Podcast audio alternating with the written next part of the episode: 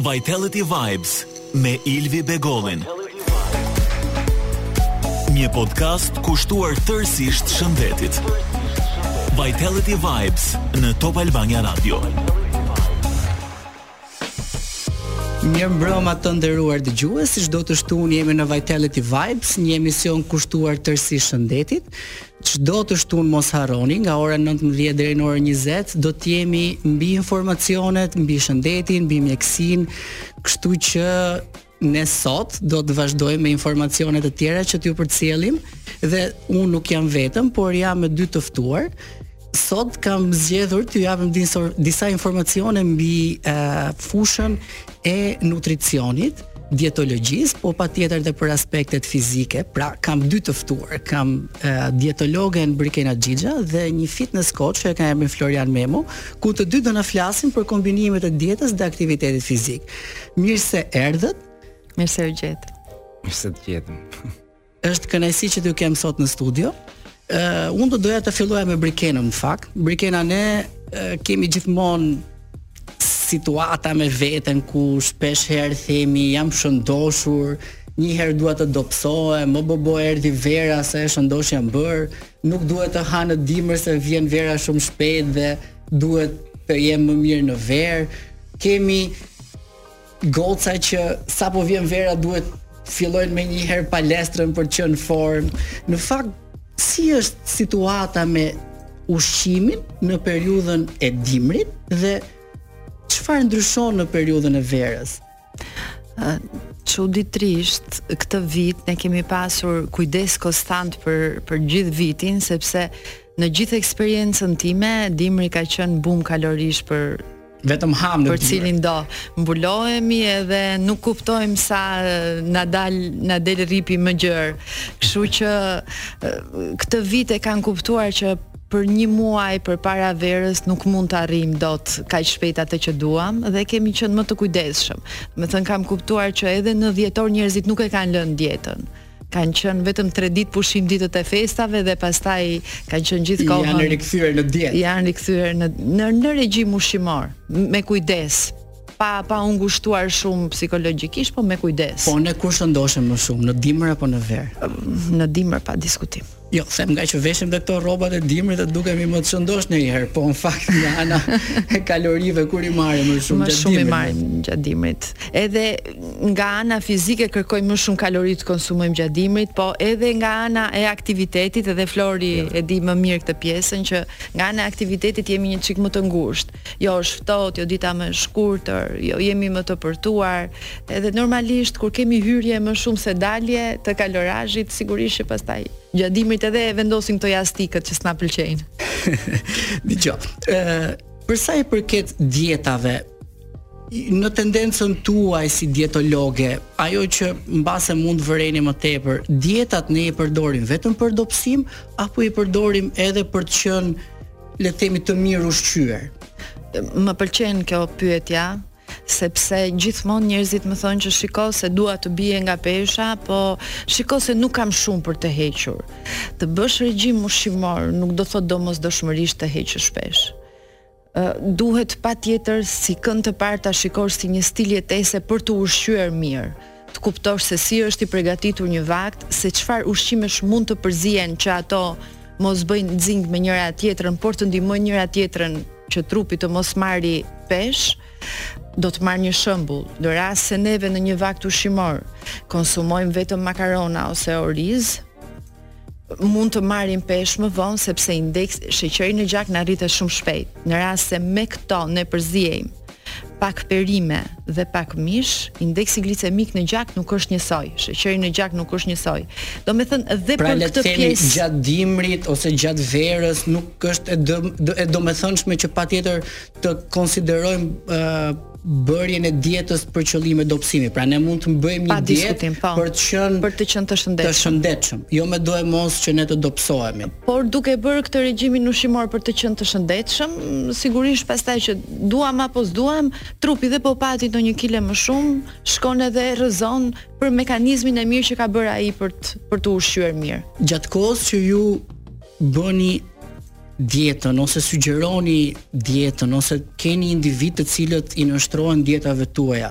Ju a sugjeroni që gjatë kësaj periudhe jo për qëllime dobësimi, po dhe për qëllime të mirëmbajtjes së trupit të tyre, të të, të njerëzve që aplikojnë dietën, a sugjeroni që të, në të njëjtën kohë të bëjnë dhe aktivitet fizik?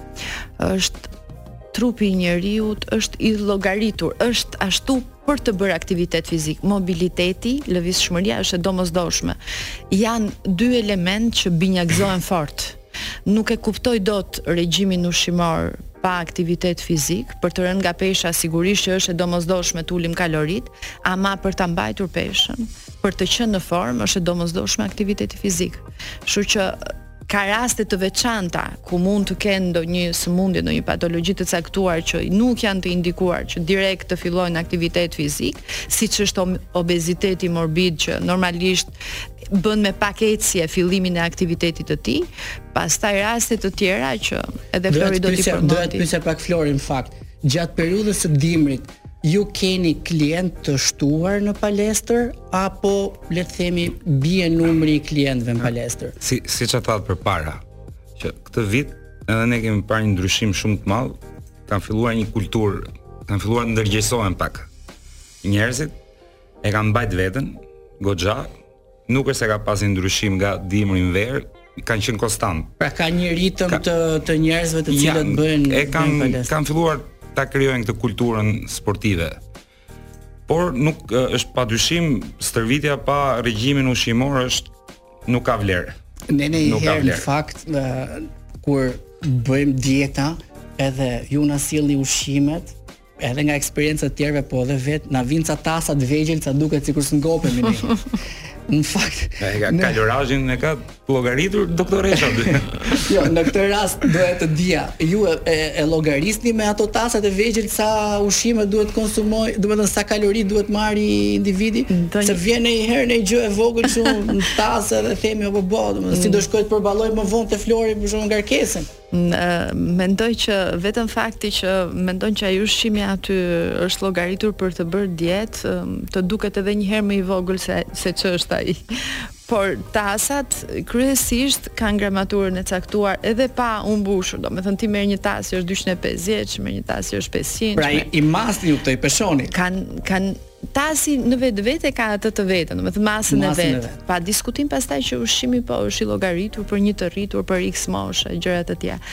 Por ka shumë llojshmëri edhe në qoftë se tasi është i vogël se sigurisht ne duam të ham dy kokrra mollë se s'na pëlqen të ham një kokërr mollë të vogël sa grushti veçanërisht një burrë që është 2 metër i gjatë s'i hyn në sy fare se është mësuar të marrë tasin doja të të pyesja pak Brikena uh, ka shumë femra që herë pas here me mendjen e tyre fillojnë edhe bëjnë dietë. Jam në dietë, kam filluar dietën ditën e hënë, nuk haj më. Dikush lexon një dietë në internet. Po të marr një shembull, po të marr një shembull të dietës, të po të them ka shumë raste, ka shumë raste. Ka shumë raste, ka po. Ka shumë raste. Në palestër ka pafund raste. Dieta tjera. moderne, dieta moderne ne hasim gjithë kohën. Ama modernja është super kohë të shkurtër. Mos m'u shkëputni, sepse do rikthehemi pas pak. Ja ku u rikthyem sërish në studio live në Vitality Vibes për t'u rikthyer me Brikenën, dietologe, diskutimit për sa i përket dietave që ne me mendjen tonë bëjmë në kushte shtëpiake. Pra po thoja më parë që kemi shumë femra të cilat herë pas here mendojnë që të fillojnë një dietë në një ditë të caktuar. Pra ia jep truri themi do filloj një dietë sot. Dhe siç po e thoja pak më parë, një ndër shembujt më konkretë janë këto që dëgjojmë të dietat e fasting që quhet edhe këto si dietat e agjë, që quhen si dietat e agjërimit në fakt. Pra që ne rrimë gjithë kohës pa ngrënë, Dhe pastaj fillojmë edhe hamë nga ora 7 apo nga ora 8 e darkës. Sa të mira janë për shëndetin këto lloj regjimesh, nëse mund t'i quajmë kështu. Ëm ehm, uh, si dieta keto, që është një ndër grupet e dietave që ka bërë një boom kohët e fundit ose si fasting, normalisht kanë pasur të dhënat e tyre dhe indikacionet e tyre për një grup personash të caktuar, sepse dhe keto Është e ideuar për persona që kanë pas një patologji të caktuar. Nuk pra mund... kanë lindur për arsye mjekësore si Për arsye mjekësore. Domethënë nuk mund të marrim të japim keto një njeriu që ka një hiperkolesterolemi sepse keto në vetvete anon në kilokalorazhin e saj nga yndyrnat. Domethënë, pa diskutim do shofim raste specifike, nuk mund t'i shikojmë, ose një pra, person pra, jo, që bën... Ne na duhet të japim një informacion të gjithë, pra nuk mund të bëjmë një dietë me mendjen tonë, apo pse le të themi dikush vuan nga diabeti, ë? Dhe dhe kur ti bën ulje dhe ngritje të sheqerit pa kontroll, bën hipoglicemi, ndërkohë që keto nuk ka sheqer fare, ty në momentet e caktuara të duhet ta mbash në kontroll atë sheqerin. S'mund të bësh keto dhe të jesh me 20 gram ose 30 gram sheqer. Po për targetin e moshës 25 deri në 40 vjeç, domethënë janë të sugjeruara si dieta? Ideja është e tillë, në rast se ne kemi një peshë të caktuar. Që mund të bëjmë dhe vetë. E kuptoj. Po. Ëm um, duhet të vlerësojmë a të duhet si stil jetese kjo dieta ty apo të duhet se duhet të ulësh 2-3 kg. Domethënë të bësh keto 3 javë, 4 javë, një muaj ose 2 muaj nuk është ndonjë hall i madh. Ideja është që a të ka ndikuar ty te stili i jetesës kjo gjë, sepse në fund të ditës unë dua që ky regjimi ushqimor të më bëhet edukatë. Nuk mund të rri me ndryshime gjithë kohën sepse s'na pëlqen më vetja para pasqyrës, dy muaj kështu, dy muaj ashtu, s'jemi konstantë. Flori në eksperiencën tënde kur ke e, sportistë apo femra të cilat duan të bëjnë sport dhe mbajnë një dietë të caktuar. Si është Situata e tyre fizike gjatë kohës që ata bëjnë palestër. Pra, ti i shikon energjik shumë, i shikon Për këto dieta që ndjekin vetë. Për dieta që ndjekin vetë. Dieta që ndjekin vetë është totalisht gabim. Për mendimin tim. Pra, pa, nuk i pa nuk i stimulon, nuk i stimulon pa konsultuar shumë... me me nutricionisten, me doktoreshën, Patjetër, unë personalisht unë nuk mund punoj dot me njerëz të tillë që vijnë mbajnë dietë nga koka vetë has shpesh është e vështirë për për performancën apo për është e rrezikshme sepse mund të ndodhin dhe gjëra e para shumë e rrezikshme e para shumë e rrezikshme dhe has çdo ditë në punën time njerëz të tillë që më duhet t'i ngre se i bie sheqeri dhe pra le të themi gjatë kohës që bëjmë një aktivitet fizik duhet të jemi energjik. Pa patjetër, patjetër. Dhe duhet të jemi të mbushur me kalori për të se është në në modë, është duhet të bien të gjithë nga pesha. Kjo pjesa e rënies nga pesha. Dhe gjithë drejtohen te këto dietat. Qoftë edhe në kushte shtëpiake pra. Për arsye të ndryshme. Por gjëja e parë që ndodh te këto dietat që janë me kalorazh super të ulët, është që ti nuk mund të kryesh dot as masë muskulare, as tonifikim. Pastaj e krijon trupi një një një farë ka ka dhe memorie. pjesa e organizmit. Ti gjatë gjithë kohës nga 2 javë, 3 javë që mban një njëjtën dietë, nuk reagon më.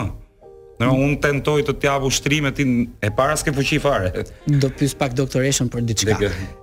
Kur ne ziejmë këto kockat, lëngjet e kockave në shtëpi që themi, t'i ziejmë këto kockat se na duhet për fuqi, na duhet për kalori ia japim dhe të mëdhenjve dhe të vegjëlve dhe të rriturve dhe të moshuarve gjithmonë marrim ndonjë lugë ndonjë tas me kocka që ziejnë e ziejnë e ziejnë që është patjetër traditë e jona ka një për konsistencë, domethënë se për trupin tonë? Më e mira e, domethënë që ne marrim nga kockat, është sikur jemi duke marrë atë bustinën me kripra minerale.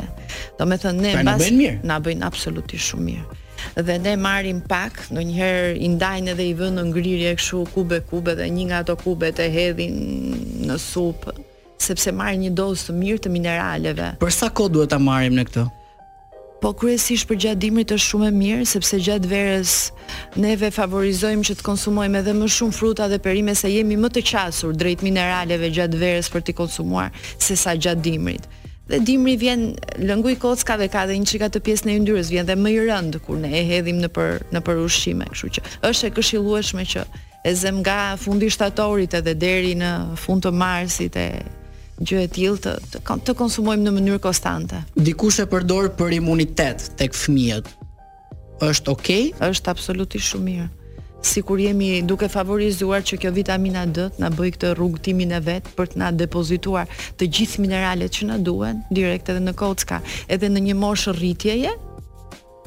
Përveçse ne favorizojmë që gjithë sistemi jot sistemi jonë rritës të jetë në rregull, Gjithë sistemet e tjera dhe veçanërisht i mushkërisë favorizohet që të jetë ketë një imunitet më të lartë.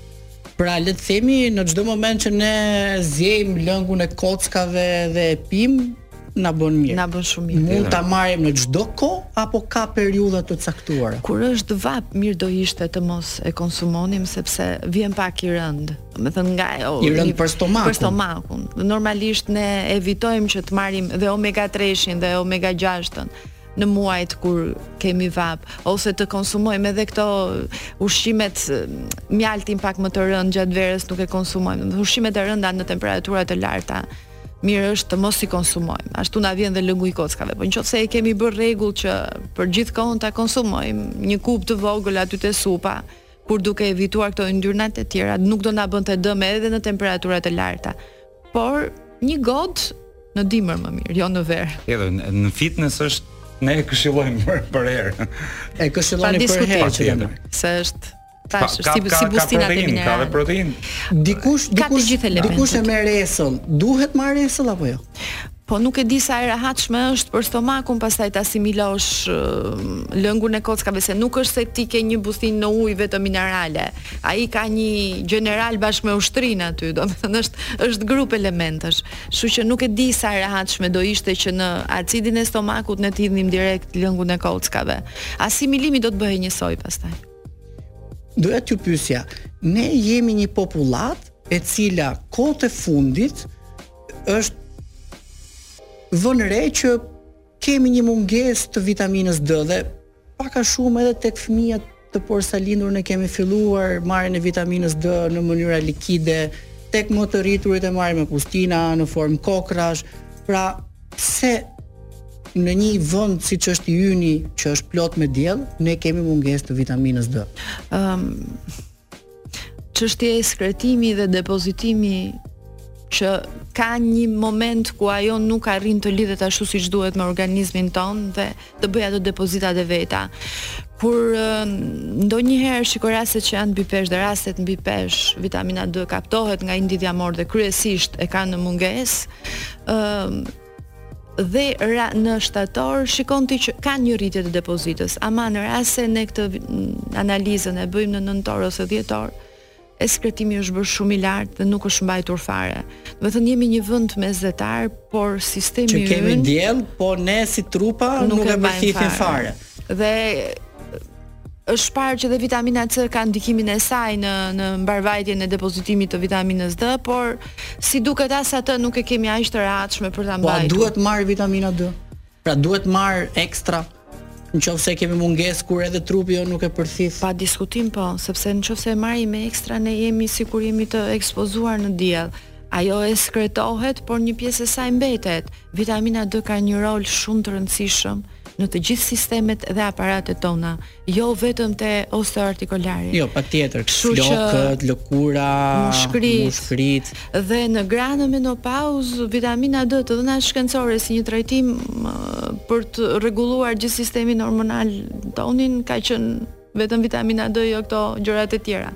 Por është shumë e rëndësishme që të vlerësojmë. Jemi në pamjaftueshmëri, jemi në mungesë, cilat janë dozat e mbajtjes, cilat janë dozat e suplementimit apo dozat e mjekimit, që ne të shikojmë dhe të balancojmë atë vitaminën D në momente të caktuara. Në momentet që e marrim, Duhet të dalim në diell për ta sintetizuar më mirë apo nuk ka ndonjë domethënie. Se uh, përgjithësisht ne marrim gjatë dimrit edhe dalim në verë, bëjmë pauzë duke përthithur vitaminën D me idenë që na sintetizon dielli.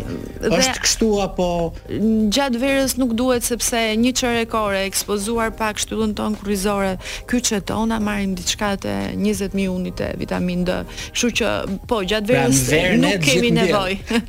Por gjatë dimrit mirë do ishte që nëse jemi në pamjaftueshmëri ose në mungesë, të vlerësonim që të merrnim doza të nevojshme për për ta vendosur në në balancë. Kuptova. Pra, vitamina D në periudhën e dimrit. Në verë, në diell të gjithë që të sintetizojnë vitaminën D. Për gjithë ata që na dëgjojnë, është shumë e rëndësishme ta themi sepse ndonjëherë neve abuzojmë me këto suplemente, ta abuzojmë me për me konsumimin e vitaminës D, C, ndonjëherë i marrim nga koka jonë, themi po marr ca suplemente tani se më ka rënë çik sistemi imunitar. Po dikush që ka normat në rregull, a bën gabim pra normat e vitaminës D dhe elektroliteve të tjera, elementeve të tjera. A bën gabim në qoftë se i merr? Pra është mbingopje e trupit apo nuk ka ndonjë influencë madhe? Jo në qoftë se jemi duke e marrë të kombinuar me disa elementë të tjerë dhe ajo është 200 ose 400 unite, sepse as në dozë mbajtjeje nuk je. Me 200 unite është sa për të qënë bashkë me elementet e tjerë. Në qoftë se ne jemi duke marrë doza të larta të vitaminës D, siç janë 4000 ose 5000 unite edhe ne nuk dimë se si kemi nivelet e saj në organizëm, mirë nuk do ishte, domethënë, duhet patjetër ta vlerësojmë që e kemi vërtet në mungesë apo jo. Kur e marrim me grupet e suplementeve të tjera, nuk është problem. Do të pyesja pak Florin. Gjatë periudhës së verës që vajzat vijnë për të bërë aktivitet fizik se duan që ta kthejnë trupin në formë sa më shpejt të jetë e mundur. Ju sugjeroni që të marrin suplemente? Qoftë edhe për të arritur në atë shpejtësinë e Patjetër, disa lloj suplementesh. Disa lloj suplementesh, po që kanë të bëjnë me i ndihmojnë disi për rënien në peshë. Po jo vitamina, jo jo këto janë për shembull L-karnitina, Është një element. Është shumë karnitina, është shumë e mirë për rënien në peshë. Po jo sidomos këto uh, uh, që janë uh, bërn për të djegur kalori kalori shumë dhe kanë shumë ka, kafeinë brenda. Un un nuk si un nuk i sugjeroj për vete. Janë për mua janë pak të dëmshme. Me doza të larta kafeine brenda janë shumë të dëmshme. Po patjetër suplementet na ndihmojnë. Unë jam në sport pa suplemente nuk ka. Ndihmojnë për të bërë aktivitetin fizik. Pra në këtë rast për t'u stërvitur më mirë. Për të pasur performancë më të mirë në stërvitje.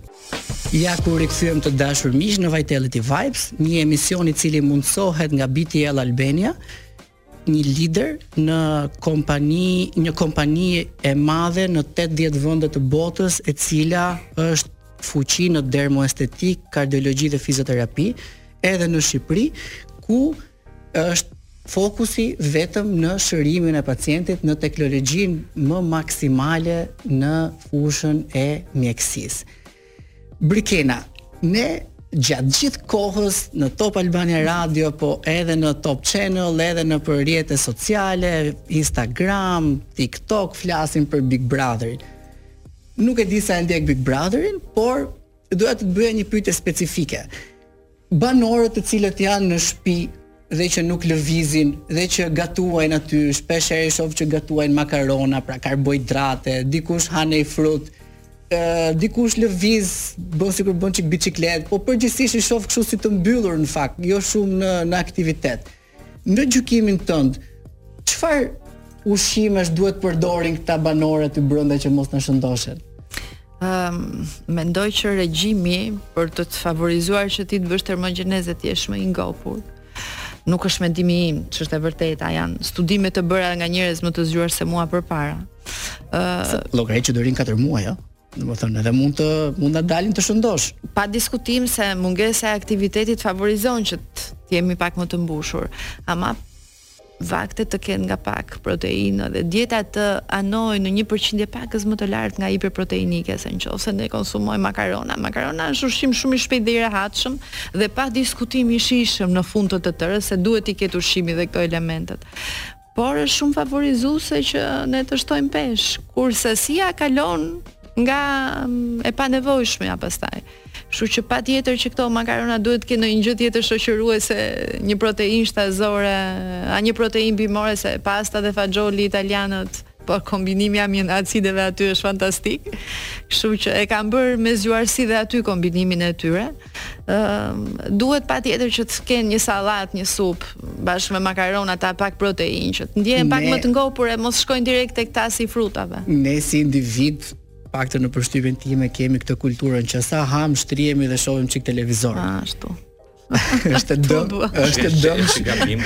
Është e dëmshme, është e dëmshme kjo për shëndetin në radhë të parë, po dhe për tretjen. Pa Apo, diskutim. Edhe për ata që dëm... qoftë marrin ato suplem, ato ushqimet që ju ia jepni në formën e dietës dhe bëjnë këtë lloj procesi. është i dëmshëm dhe për ata që mbajnë dietë mua apo, kur nëse, kur më pyesin po si janë oraret, çfarë duhet të bëjmë neve kur konsumojmë ushqimin. Ë uh, them po dëgjo 4 orë përpara se të shtrihesh, duhet të kesh mbaruar konsumin e ushqimit se 4 orë para se të shtrihesh. Ai ushqimi para se të flesh, para se të flesh, natës, para se të flesh gjumin e natës, sepse në qoftë se ti han mirë, mirë, mirë dhe mënyrën ideale për të shëndoshur e ke të hash. edhe të shtrihesh. S'ka më mirë rrugë për të shëndoshur. Pra dëgjoni miq, nëse hani dhe shtriheni, shëndosheni. Kush e ka problemin që do të shëndoshet para se të shtriheni? Vakti fundit. Vakti fundit. Vakti fundit të jetë 4 orë para. Po kur hahet vakti i fundit? Uh, po mirë do ishte që në rast se ne flejmë në orën 10 ose 11 të paktën në orën 7 ta kemi konsumuar darkën Po kena në orën 7 jemi akoma në gënjimi, thuaj. Në orën 7 jemi akoma në punë. Të tre vaktet bashkë. Pra, prandaj hyn në lojë që të tasi ta kesh me vete. Është e rëndësishme. Dëgjomë, në fund të ditës edhe në qoftë se ne konsumojmë 2 ose 3 orë. Por e rëndësishme është të paktën të mos hamë direkt dhe të shkojmë të shtrihemi ose mbas ngrënies të mos marrim dhe një tas me fruta dhe të rrimë përpara televizorit që t'i konsumojmë dhe ato ku të, të dremisim. Qëndro pak këtu. Për sa i përket frutave, ça nuk lexoj. Duhet ngrënë në drekë, duhet ngrënë pas dreke, duhet ngrënë në darkë, duhet ngrënë pas mëngjesit. Kur duhet t'i konsumojmë neve frutat, meqënëse na thonë që kanë shumë sheqer? Dhe sa? Dhe sa? Përveç, domethënë Flori, ë, po thoshte që para që njerëzit marrin do ta bëjmë skup këtë, do ta bëjmë skup. Pra, mos konsumoni frutat para Këtij vakti. Uh, para gjumit jo e jo, por mirë do ishte që konsumimin e frutave ne ta mbyllim në orën 4-5 mbasdite. Frutat janë energjizantë, multivitamina me sheqer. Frutat multivitamina me sheqer, që do të thotë 4-5 mbasdite, mbas orës 5 mos ha më fruta. Të mbyllen, Në qoftë se ne në darkë ngacmojmë sheqerin në mënyrë të herëpashershme dhe marrim edhe ca multivitamina, ne jemi gati për të filluar ditën e punës. Nuk jemi gati për t'u rehatuar edhe për të fjetur. Trupi fle mirë me proteina. Në Këtë dietën, në qoftë se mund ta quajmë dietë, po edhe kur Ozempic po përdoret gjerësisht nga shqiptarët, po e po, po gjerësisht në gjithë botën, është bërë kështu si modë Ozempiku, të cilat janë medikamente për diabetin në fakt. Për diabetin, ashtu është. Po pse na dobësojnë këto? Ëm, um, e ka një mekanizëm veprimi të tillë që favorizon që si në qendrën nervore të trurit, ashtu edhe në stomak, Ashtu edhe për të stimuluar, stimulon leptinën që është një enzimë që favorizon prapë të tresi masën dhjamore. Të gjitha këto mekanizmat e veprimit bëjnë që trupi jonë të tresi masa dhjamore, sepse dhe zhvendosjen e ushqimit e bën më avash dhe ndjesinë e urisë nga zhvendosja e ushqimit ti e ke më të ulët, kështu që dhe komunikimi me qendrën nervore të trurit është ti je i ngopur, nuk do më. Po mund ta përdorin Ozempikun të gjithë apo ka një target moshe që s'duhet ta përdorin? Ozempiku është mjekim. Që nga këtu niset që nuk mund ta përdorin të gjithë. Është një mjekim pra, kronik. Pra dëme në fakt. Pa diskutim. Efekte anësore, patjetër. Patjetër. Patjetër. Domethënë është, është një mjekim për diabetikët dhe është një mjekim kronik. Mund ta marrin rastet kur kanë obezitet, obezitet morbid, po dhe me një BMI të caktuar, ndonjëherë. Body mass index. Po, body mass index, masat trupore. Uh, ideja është që ti duhet ta marrësh gjithmonë në konsultimin me ë uh, me mjekun tënd, pa diskutim. Domethënë të kesh bërë disa analiza të caktuara. Është një çik kështu si shitje e jashtëligjshme me ç'kam dëgjuar herë pas here. Po tani ai është bërë fare në shitje të jashtëligjshme ah, për arsye se në të gjithë botën nuk po e gjejnë dot për qëllimin kryesor që ai ka që është mjekimi i diabetit, sepse ai është bërë në mas duke u përdorur nga çdo lloj moshe se do të jetë pak më i hollë. Çështja është Ka raste kur nuk jep rezultat? Ëm um, Mendoj që mekanizmi i tij i veprimit është për të dhënë rezultat, ama njerëz që janë shumë të kequshqyer dhe një mekanizëm shumë të vështirë për me lidhje me ushqimin, besoj që mund të japi një rezultat minimal. aq sa nuk ia vlen kostot që ai bën me shëndetin, me rënien që ka bërë, sepse në qoftë se ne kemi një person që është 90 kg dhe ul 3 kg, nuk, nuk ka një s'e konsideroj aq më tepër që ka efekte anësore.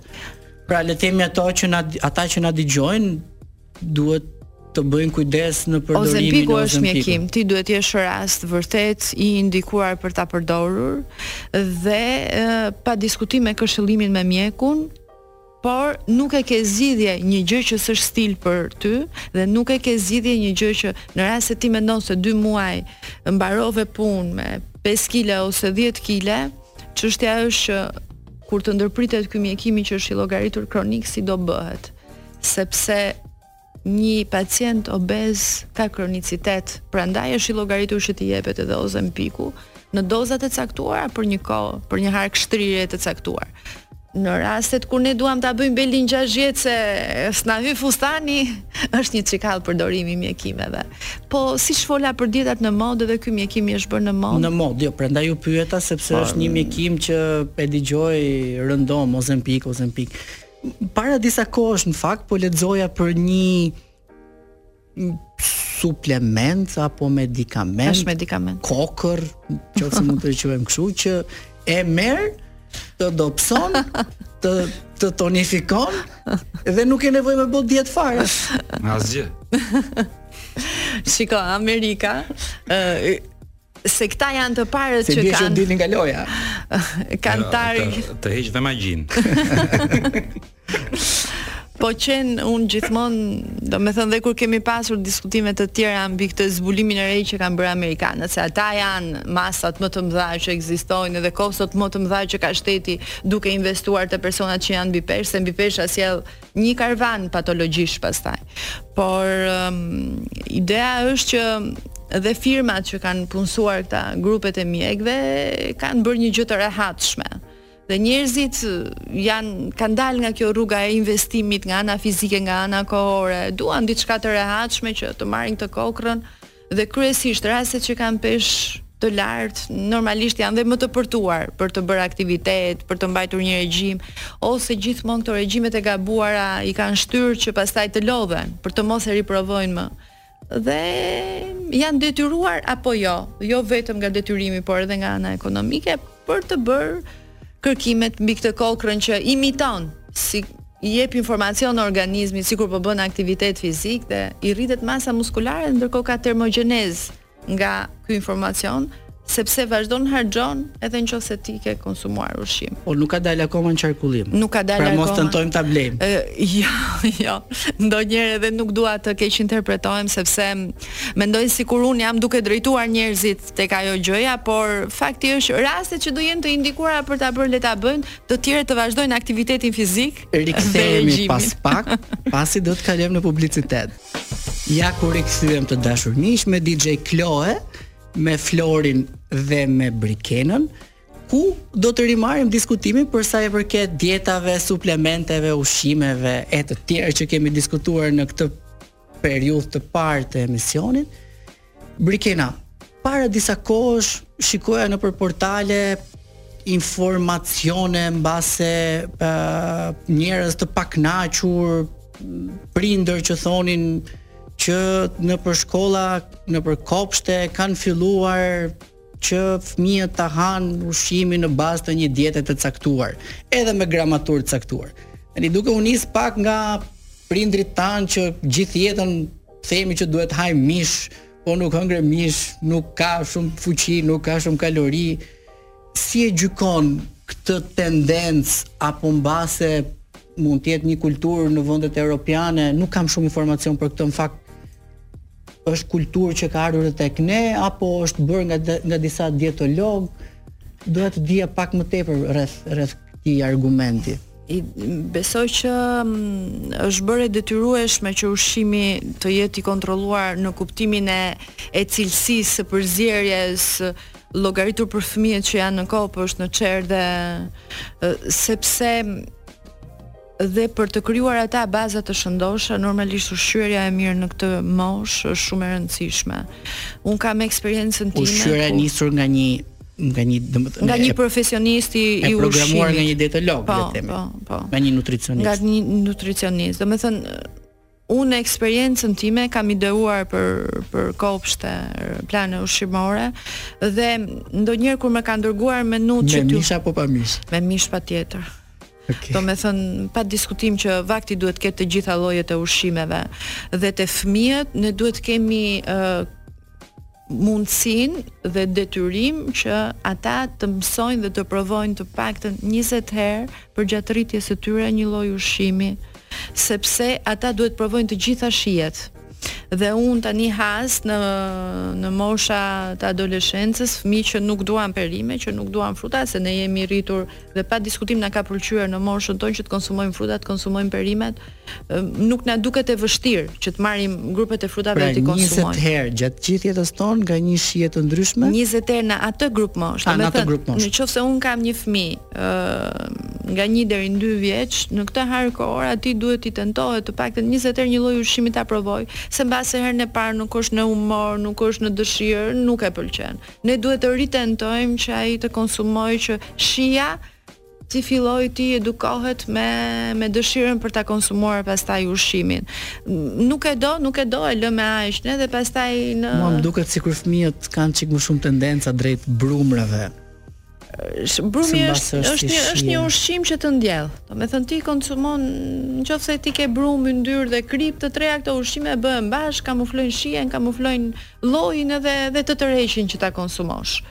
Por ama nuk është se ka qejf njeri të konsumojë brokolin dhe mua po më pyete domethënë brokoli, lulelakër, kështu nuk janë në maksimumin e shijes time, ama domosdoshmërisht për organizmin është e nevojshme që një sasi frutash perimesh në ditë të konsumohen. Dhe këto të përziera me ushqime të tjera favorizojnë që ne mos vendosim mbipeshën, ajo çka është bërë shumë problem në grupmoshat e adoleshencës, sepse Analiza që aty vjen, do në momentin kur analizoj analizoj një person i them çfarë peshe ke pasur në kur ke qenë i vogël, me çfarë peshe ke lindur, me çfarë peshe ke kaluar fëmijërinë për të kuptuar se si do jetë mbarëvajtja për më tutje e situatës. Kështu që pa diskutim mirë do të ishte që nga një profesionist i mirë të kishin ideimin dhe përzierjen e një vakti e vakteve ushqimore të një kopshti të një çerdheje, sepse kuzhiniera mund ta ketë idenë dhe fëmijët janë më të kënaqur nëse konsumojnë vetëm pastiçe. Çokollatat edhe sheqernat tek fëmijët. Kur duhet fillojmë t'ia japim? Ëm um, e ëmbla dhe e kripura jepen mbas 2 vjeç. Po, atë po, po, Por, domethënë, frenojmë, me pak, me pak sasi dhe sa më vonë të jetë e mundur të konsumohen çokollatat. Është një ushqim që të ndjell dhe fëmijët gjënë e parë që duan kur prindrit i ushqejnë nuk duan të konsumojnë vaktin që duhet, po duan të konsumojnë këto gjërat e ambalazhuara të ëmbla, pije me gaz, pi, domethënë, pije me sheqer, çaj, domethënë ti sheh fëmijë që kanë futur pipën brënda një çaji dhe e konsumojnë. Sheqeri është baraz me helm. Sheqeri baraz me helm. është vendosur miu përpara heroinës dhe përpara sheqerit, miu shkoi drejt sheqerit, se ndjellja është e tillë dhe drejtimi është i tillë. Por, mirë do ishte që sasitë të jenë shumë të kontrolluara, nuk po them që fëmijët është problem të hanë kek. Për fëmijë, jo, patjetër. Por... Le të themi pijet e gazuara, sheqeri sintetik apo këto çokolatat në mënyrë masive janë të dëmshme. Është alarmante. Është alarmante. Sa fëmijë mbipeshë kemi? Jam për shumë e shqetësuar për në vetvete apo dhe për dëme të tjera në strukturën e trupit të njeriut, pra në kocka, në tendina. Në, në rast se ne e konsumojmë sheqer në nivelet më shumë se sa na duhet apo dhe në mënyrë konstante, ë sheqeri është një inflamator potencial në organizëm. e para në imunitet ndikon. Domethënë, në qoftë se ne kemi një konsum të sheqerit në mënyrë të vazhdueshme, imunitetin e kemi të ulët në çdo stinë. Dhe tani ne kemi fëmijë që në çdo stinë janë virusale, virusale fëmijët janë plot me Viruset i kaptojnë ata të parë, domethënë është problem shumë i madh. Pra indika marrja e sheqerit është indikator kryesor që ne të kemi viruse tek tek fëmijët. Që të kemi imunitetin më të ulët. Po, patjetër, pra të prekemi, patjetër. Prekemi nga virusi. Në mënyrë të drejtpërdrejtë, domethënë në çdo në çdo sistem tonin sheqeri është një armik numër një dhe sheqeri është dhe ndjellës i shijes së tij. Domethënë ti e konsumon tani, mbas gjysmë ore do ta konsumosh prap, sikur fillojmë një kola dhe nuk ndalojmë dot derisa ta mbarojmë. Gjithkohë është sikur je në drogë domethënë. Është fiks e drejtë e tillë. Për sa i përket intolerancës ushqimore, si ta kuptojmë ne që jemi intolerant kundrejt një ushqimi apo një suplementi. Duhet të bëjmë patjetër analizë të intolerancës ushqimore apo kemi ndonjë shenjë në trup që ndonjëherë edhe trupi na Do me thënë, unë e gjoj aq shpesh pyetjen që kam bërë analizën e intolerancës, a duhet bëj analizën e intolerancës. Intoleranca është dozë dependent. Ne kemi konsumuar shumë kafe, dalim intolerant nga kafja. Konsumojmë shumë bulmetin, dalim intolerant nga laktoza. Gluteni është e vetmja proteinë inflamatore që neve analizojmë si intolerancë, ama në organizmin tonë reagon si alergji. Dhe celiakia është një nga format më të vështira të intolerancës nga ndaj glutenit. Ideja është e tillë që nëse ne Ulim sasitë e këtij ushqimi që e kemi konsumuar ose të një pije që e konsumojmë në mënyrë të vazhdueshme me doza shumë të larta, automatikisht trupi jonë do fillojë të pastrohet.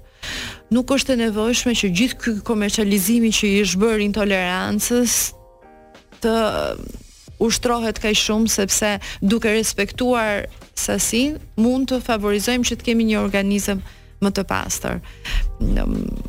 Të heqim bulmetin është është një një një, një gjë shumë e vështirë.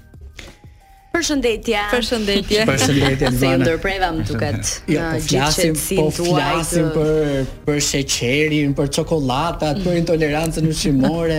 Kështu që po ju dëgjoja. Duhet të bëjmë pak kujdes me me bulmetrat, me këto ushqime që na bëjnë intolerant. Mua. Më duket shumë bukur besoj kujdes. Po. Unë mund të jem anemike, po këto nuk i kam. Jam krahu tjetër sepse unë nuk ha jam shumë e ngordhur. Por të dëgjoj programet e tua. Me Blerinën, me Blerinën në fakt po flisnim për ushqimet që duhet të hanë banorët e Big Brother-it në mënyrë që mos të shëndoshen, pra sa duhet të jetë sasia, kaloria. Për shembull Rike e tha mua më shëndosh dashuria. Kur bie në dashuri shëndoshem, kështu që e kam problem. Këtu nuk kam, nuk e kam te recetat, por duhet bëjmë mbase... detox, duhet bëjmë detox. Mbase duhet ta qetësoj pak atë pjesën mbrapa që Mirë, uh, unë uroj që të ketë shkuar çdo gjë mirë sot për ju, edhe patjetër që publiku është shumë i etur për të ditur më shumë për shëndetin, se e kemi lënë pas dore dhe nuk e di pse kemi gjithmonë tendencën të shkojmë deri në pikë të fundit, edhe gabim bëjmë. Megjithatë, vetëm pas pak nga ora 20 deri në orën 21 do t'ju shoqëroj me Big Brother Radio, kemi sonte të ftuar mjaft të lezetshëm.